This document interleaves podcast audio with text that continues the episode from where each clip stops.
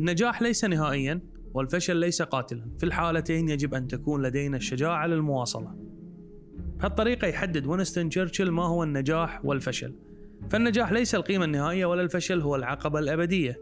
وفي الحالتين يجب إعادة المحاولة. يا بنفس الأهداف حتى تحقيق النجاح فيها أو اختيار أهداف جديدة لإنجازها في سبيل تحقيق النجاح والإحساس بالإنجاز والرضا.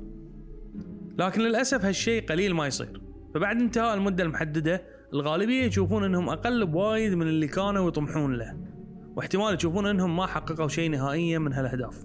وفقا لدراسة من جامعة سكرانتون بولاية بنسلفانيا 8% فقط من الناس هم من يستطيعون تحقيق أهدافهم. هالنسبة القليلة جدا تخلينا ندرك أن الغالبية للأسف ما يقدرون يحققون أهدافهم. ودائما ما نتساءل شنو المانع من تحقيق أهدافنا؟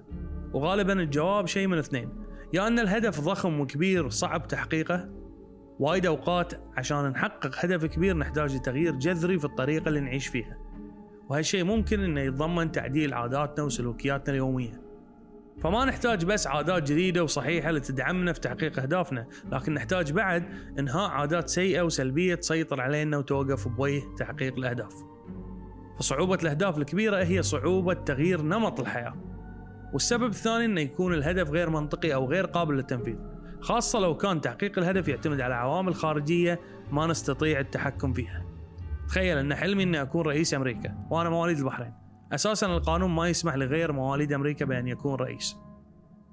الحلم وتحويله لهدف وتحويل الهدف لمجموعة من المهام شيء إيجابي بس لازم يكون واقعي وقابل للتحقيق. وايد يعتقدون أن تحديد الأهداف شيء بسيط وضع أهداف على ورق وتحديد متى ننتهي منها. مثل هذه العقلية تعيق النجاح. لأن الهدف مو شيء ينكتب مرة واحدة بعدين يتم الغائه من القائمة بعد ما يتحقق. تحديد الهدف الحقيقة تغيير لنفسك على مدى طويل. الأهداف مو أشياء قصيرة سريعة التحقق إنما وجهات ثابتة وغير متحركة تظهر للعالم منو تبي تصير وشنو تبي تحقق